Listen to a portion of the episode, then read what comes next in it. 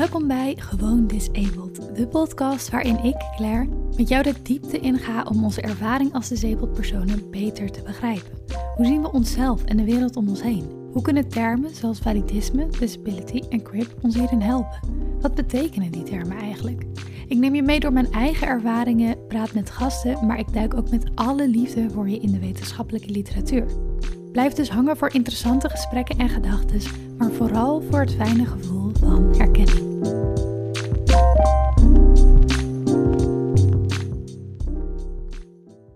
deze aflevering duiken we in het concept validisme. Dit is de derde aflevering van Gewoon Disabled. En als je dat nog niet hebt gedaan, dan raad ik je zeker aan om de introductieaflevering te luisteren of te lezen. Daarin leg ik al een beetje de basis voor waar we het vandaag over gaan hebben. Nou, ik moet toegeven dat ik het een beetje lastig vind om in één keer in dit onderwerp te duiken. Ik heb gemerkt dat dit mensen soms kan afschrikken, zeker als je zelf niet disabled of gehandicapt bent, of dat het juist confronterend kan zijn als je zelf wel disabled of gehandicapt bent. Maar ik vind het toch belangrijk om hier in een van de eerste afleveringen over te praten, omdat het echt overal terug gaat komen. En het liefst benoem ik het ook gewoon direct. Ik ben niet iemand die om dit soort dingen heen draait. Um, of iedereen probeert te pleasen daarin. Um, dus ja, dat. nou, we gaan er even induiken. Validisme, kort gezegd, is dat discriminatie op basis van iemands fysieke, psychische of intellectuele gesteldheid, situatie. Over die term zelf valt genoeg te zeggen, maar natuurlijk ook over hoe dat er nu precies uitziet in de samenleving. Voor het gemak ga ik dus eerst eens even hebben over hoe validisme, die vorm van discriminatie, dus eruit ziet in de samenleving. Dan gaan we daarna even wat dieper in op de term zelf. Dus we gaan bottom-up van wat we meemaken, zien en horen in het dagelijks leven, naar hoe we daarover kunnen praten, hoe we het kunnen benoemen en hoe we erover kunnen nadenken. Wat theoretischer dus. Deze volgorde heeft een reden, namelijk dat we vaak nogal geneigd zijn om te blijven hangen in het abstracte theoretische denken. Zeker als het gaat om discriminatie en zeker als je het zelf niet meemaakt. Ik zie het ook gebeuren bij studenten op mijn opleiding, waarbij persoonlijke ervaringen helemaal plat getheoretiseerd worden zonder het besef dat het hier echt om mensenlevens gaat. Voordat we verder gaan met de aflevering heb ik nog even twee disclaimers. Um, indien dat nog niet voor iedereen duidelijk is, discriminatie is een heel gevoelig en persoonlijk onderwerp. Het gaat om ervaringen van uitsluiting die vaak je hele leven bij bij je blijven hangen en je echt vormen in wie je bent en hoe je in de samenleving staat. Wees je daar dus bewust van als je luistert en jezelf niet te maken hebt met deze vorm van discriminatie. De tweede disclaimer, um, die misschien wel obvious is vanwege de titel, maar we gaan het dus hebben over validisme. Um, en zeker in het eerste gedeelte, omdat ik daar uh, meer voorbeelden ga geven, kan het ook heel erg triggerend zijn. Dus um, ja, voel je vrij om dat gedeelte te skippen. Je kunt dan beginnen met luisteren bij minuut 11. En als je dat toch wil luisteren, zorg ervoor dat je in een fijne, veilige omgeving bent en daarna een beetje aftercare uh, voor jezelf kan doen. Omdat, um, ja, het zijn kleine voorbeelden, maar ik wil niet dat je hierdoor allerlei nare ervaringen weer, weer terug naar boven komen.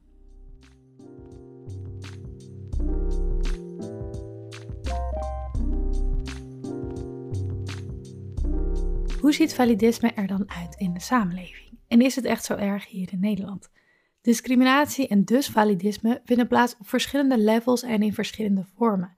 Zelf ben ik opgegroeid met ervaring met racisme en ik heb daar thuis ook genoeg over meegekregen. Mijn moeder heeft een donkere huidskleur en ik heb van jongs af aan geleerd over racisme. Wat het is, waar het vandaan komt, wat het met je doet.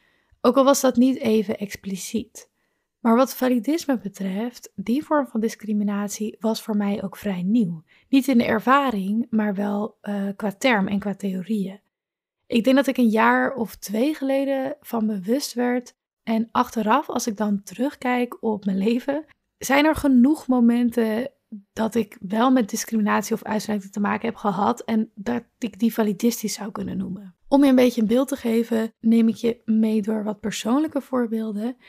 Um, een van de meest obvious momenten dat ik te maken had met validisme, ondanks dat ik daar dus op dat moment niet van bewust was, um, was terwijl ik studeerde aan de kunstacademie. Ik deed fashion design en tot mijn tweede, begin tweede jaar ging dat best wel goed. Ik vond het ook heel erg leuk. Het was wel zwaar, uh, zoals je misschien weet van kunstacademies. Maar ja, het was super tof. Nou, in mijn tweede jaar, um, eigenlijk al eerder, in mijn eerste jaar werd ik best wel ziek. En ik kreeg veel klachten. En dat, na de zomervakantie, dus toen ik naar mijn tweede jaar ging, toen werd dat veel erger.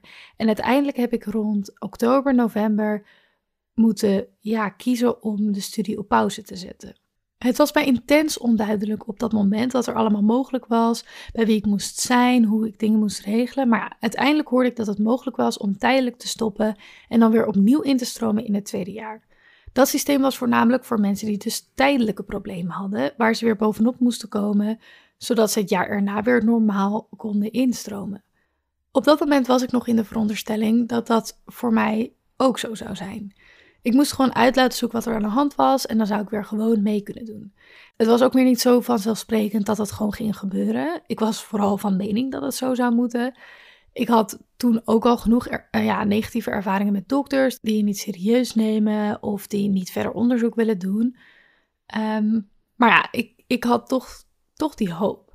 En uiteindelijk is het ook gelukt om een verklaring te krijgen voor mijn klachten. Dat loste alleen niet het hele probleem op. Ik ga niet in detail over mijn gezondheid, want dat is hier even niet um, de plek en de ruimte voor. Maar aan het einde van de zomervakantie, net toen ik dus weer zou instromen, was het mij wel duidelijk dat ik het niet zou redden. Hoe pijnlijk dat ook, ja, hoe pijnlijk dat ook klinkt. Het schoolsysteem van 9 tot 5 op locatie zijn, s'avonds en in het weekend huiswerk doen, ondertussen mijn eigen kamer op orde houden, zorg dat ik genoeg zou eten, sociaal leven behouden, het paste gewoon niet. Ik kon het zowel lichamelijk als mentaal niet aan. Er waren toen helemaal geen andere mogelijkheden. Online lessen volgen of soepel zijn met deadlines was een heel ingewikkeld verhaal. Ehm, ik had zelf ook niet heel erg door dat dat dingen zijn waar je, ja, waar je recht op hebt, bijvoorbeeld. En ik voelde me ook door andere dingen factoren die meespelen, voelde ik me ook niet zo heel welkom om het daarover te hebben. Heel veel dingen kwamen dus samen. Hoe precies, daar kom ik zo meteen nog op terug. Waardoor het voor mij basically niet te doen was om verder te gaan. Dit gebeurt inderdaad gewoon in Nederland. En het is maar een klein persoonlijk voorbeeld van discriminatie of uitsluiting, hoe je het ook wil noemen. Maar ook bijvoorbeeld het feit dat je als disabled persoon je uitkering of financiële steun kwijtraakt als je gaat trouwen, is een vorm van discriminatie. In de praktijk betekent dit dus gewoon dat disabled mensen niet dezelfde rechten hebben wat betreft samenwonen en trouwen als niet-disabled mensen. Ook het verplichten van anticonceptie bij zogenaamde kwetsbare personen is een vorm van validisme, iets wat nu dus weer actueel is. Blijkbaar zijn er bepaalde mensen in de maatschappij die wel mogen bepalen wat er met hun lichaam gebeurt, en die ook bepalen voor anderen wat er met hun lichaam mag gebeuren en kan gebeuren. Zoals ik in aflevering 1 ook al zei, er is een standaard type mens wat overal voorrang heeft. Een standaard type mens waar het systeem op gebouwd is. Dit mens is mooi, dun, kan lopen op twee benen, zien, horen en is constant aan het produceren en meedraaien in de economie. Wie van dat standaard type mens afwijkt, ja, die komt dus in de problemen en moet keihard gaan strijden voor een plekje in de maatschappij. Wie afwijkt moet bewijzen dat hij het waard is om in de maatschappij te mogen zijn.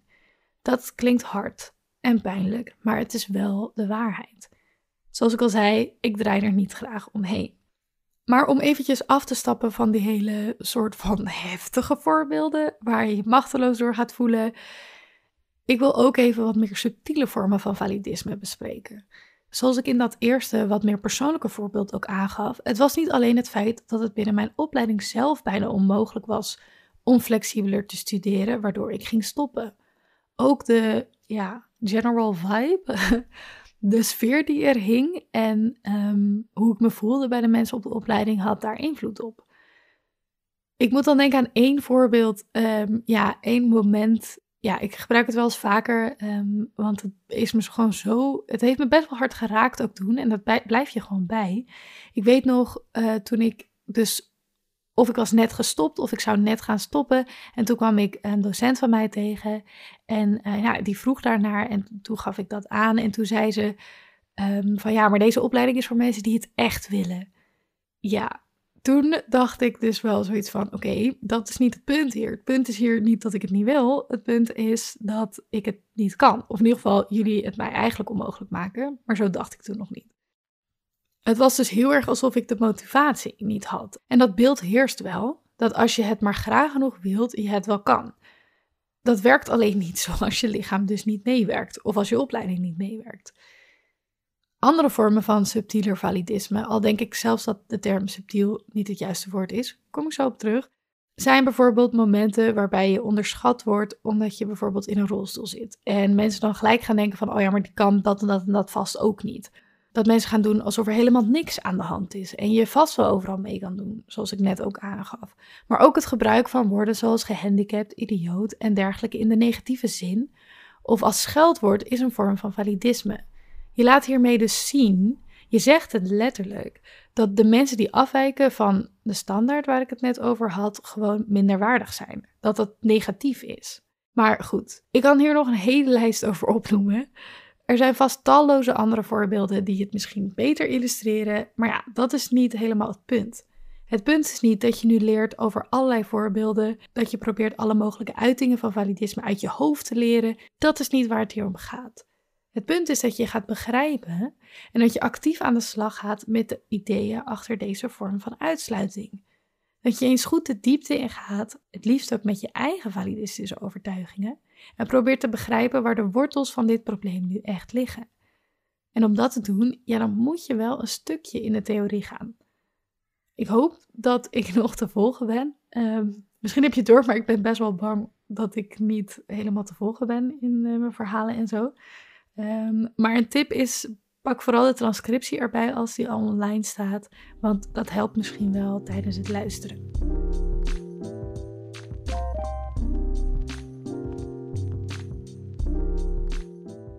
Om het over die theorie te hebben, blijf ik graag bij het boek Validisme en Gender van Yvette den Brok, uitgegeven in 2005. Het is echt een pareltje wat betreft literatuur over validisme in het Nederlands. En ik was tijdens het lezen ook zo enthousiast over het feit dat het zo uitvoerig en duidelijk is uitgelegd. In het boek neemt Den Brok alle ruimte om uit te leggen wat validisme is en waar wetenschappers soms super moeilijk de theorieën gaan, heb ik het idee dat Den Brok juist alles zo simpel mogelijk uitlegt.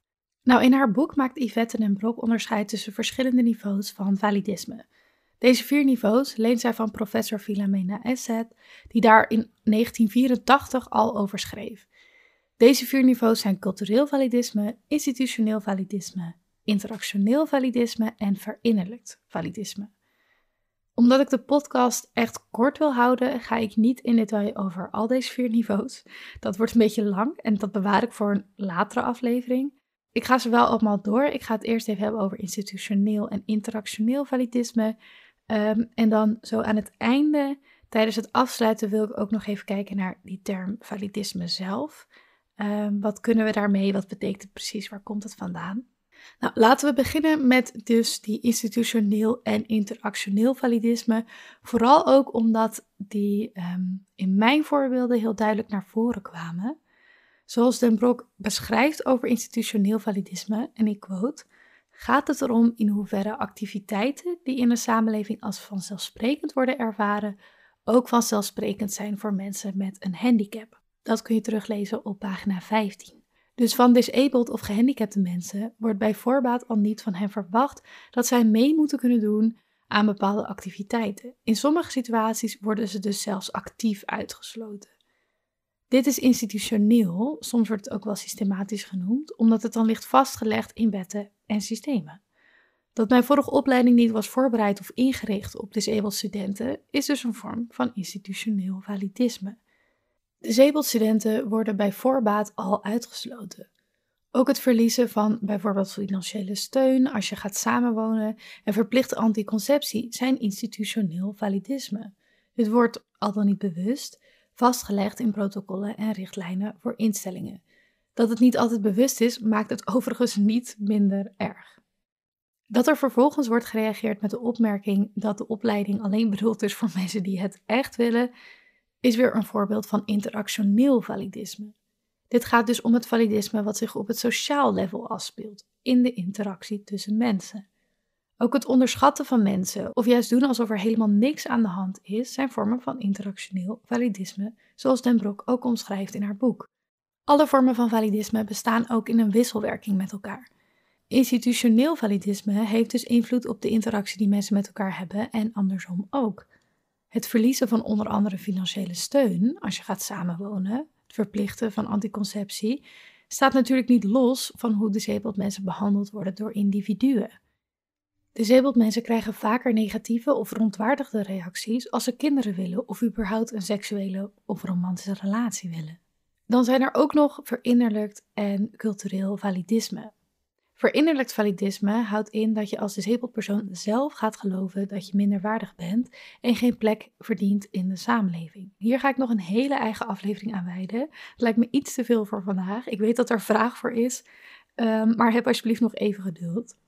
Als laatste is er ook nog cultureel validisme en daarover wil ik je graag doorverwijzen naar het artikel van Brand.plus, waar ik en een vriendin van mij, Kadi, voor werden geïnterviewd. Ook wetenschapper Eline Pollard is geïnterviewd voor uh, het artikel en ik raad het zeker aan. Ik zal het linken in de show notes, notities, hoe je het ook wil noemen. Ehm, net als bijvoorbeeld het boek van Yvette en Brok. Nou, cultureel validisme gaat veel meer over wat voor plek disabled mensen hebben binnen een bepaalde cultuur. In veel westerse culturen, en zeker in Nederland, worden gehandicapte mensen vaak gezien als zielig en mensen die verzorgd moeten worden. In andere culturen kan dat anders zijn. Soms wordt er een religieuze betekenis aangegeven en soms wordt het juist gezien als onderdeel van het leven. Zo kun je dus naar validisme kijken en dat is belangrijk, want daardoor kun je het ook beter bestrijden. Als we er woorden aan geven, vergelijkbaar met andere vormen van discriminatie, zoals seksisme en racisme, kunnen we er iets mee doen. En die verschillende niveaus geven ons inzicht in hoe validisme er in de praktijk uitziet en dat niet elke vorm van validisme hetzelfde is, laat staan dezelfde oplossing nodig heeft. Tot slot, om af te sluiten, wil ik het ook nog even hebben over die term zelf. Want ja, ik zou geen antropoloog zijn als ik dit soort termen niet onder de loep zou nemen. Ehm, ik kreeg ook van een van jullie de vraag hoe ik dan bijvoorbeeld kijk tegen de term validisme, vergeleken de term, eh, de Engelstalige term, ableism. En daar ben ik wel even ingedoken, want ehm, ja, ik heb daar ook nog niet echt een soort mening over. Ben ik nog aan het ontwikkelen. Kom ik zo meteen op terug. Maar er zit zeker een verschil tussen de termen, ook al hebben ze het wel inhoudelijk over dezelfde of vergelijkbare systemen. Nou, Yvette ten Brok is dus degene die de Nederlandse term validisme introduceert en in haar boek Validisme en Gender omschrijft ze het als volgt. De vertaling van validisme is discriminatie op grond van iemands validiteit. Dat kun je teruglezen op pagina 14. Met validiteit bedoelt ten Brok dus iemands waarde. Wat Den Brok ook aanstipt is de Nederlandse context van het woord validiteit. Namelijk dat er in het verleden vaak gesproken werd over gehandicapte mensen als invalide of minder valide. Het gaat dus ook om discriminatie op basis van lichamelijke, geestelijke en intellectuele gesteldheid. Er is dus een dubbele betekenis van het woord validiteit, invalidisme, en die laat de koppeling zien tussen iemands waarde en iemands fysieke, geestelijke en intellectuele gesteldheid. Dus de term validisme erkent dat er zoiets als een systeem waarbij verschillende mensen op basis van hun fysieke, geestelijke of intellectuele gesteldheid uh, een bepaalde waarde krijgen binnen de samenleving. De Engelstalige term ableism is net iets anders. Het is lastig voor mij om precies uit te zoeken waar die term vandaan komt. Daar heb ik wel even wat langer voor nodig. Maar het is in ieder geval een term die opduikt binnen de Disability Rights Movement in de US, zo rond de jaren 80. Feel free to correct me though. Um, ik kan er ook helemaal naast zitten. Ehm, als je daar aanvullingen op hebt of weet waar ik moet zijn om daar meer over te praten, let me know. Deze term legt niet per se nadruk op dat stukje waarde, zoals validisme dat bijvoorbeeld doet, maar gaat letterlijk over de discriminatie ten gunste van niet-disabled mensen. Dus het is niet zoals de Nederlandse verwoording dat het gaat om discriminatie op basis van hoeveel waarde de maatschappij iemand toekent. In de praktijk natuurlijk wel, maar dat zit niet in het woord zelf. En het gaat ook niet om discriminatie op basis van iemands afwijking of disability. Daarvoor wordt de term disableism gebruikt. Maar goed, het gaat in de praktijk wel gewoon om dezelfde problemen. Persoonlijk gebruik ik de termen door elkaar. Ehm, ik gebruik ze gewoon als, als letterlijke vertalingen van elkaar. Maar het is zeker iets waar ik nog even over na wil denken. Wat ik van beide termen vind. En misschien is het ja, een goed begin voor uh, een gesprekje met andere mensen daarover. Wat ik wel mooi vind, is dat beide termen validisme en ableism open termen zijn. He, zoals Den Broek, uh, zij omschrijft dat op pagina 15, dat validisme niet alleen maar gaat over disability en handicap, maar ook over uiterlijke kenmerken zoals dik zijn, of uh, brandwonden hebben of uh, op een bepaalde manier uitzien die niet voldoet aan, aan het ideaalbeeld. Dat kun je ook wel een beetje terugvinden in de term ableism. En um, ja, dat vind ik eigenlijk op, ja, dat vind ik best wel mooi daarin. Maar goed, hele hoop verteld. Ik ga nu echt afsluiten. Ik wil je niet overspoelen met informatie. En bovendien is er nog genoeg ruimte voor andere afleveringen waar ik in de diepte zal gaan over geïnternaliseerd validisme, cultureel validisme, maar ook bijvoorbeeld de intersectie tussen ras en gender. Maar ja, dat komt dus allemaal aan bod. Voor nu dus gewoon een korte introductie tot het concept validisme. Bedankt voor het luisteren naar Gewoon Disabled. Ik hoop dat je iets geleerd hebt of jezelf kan herkennen in de dingen die ik heb gezegd. Vergeet niet de podcast te volgen, te delen met de mensen om je heen of op Instagram. En vergeet me zeker niet te taggen. Heb je vragen of wil je lekker verder praten? Je kunt mij altijd bereiken via mijn website www.bijzonderautoimmuun.nl of op Instagram onder dezelfde naam.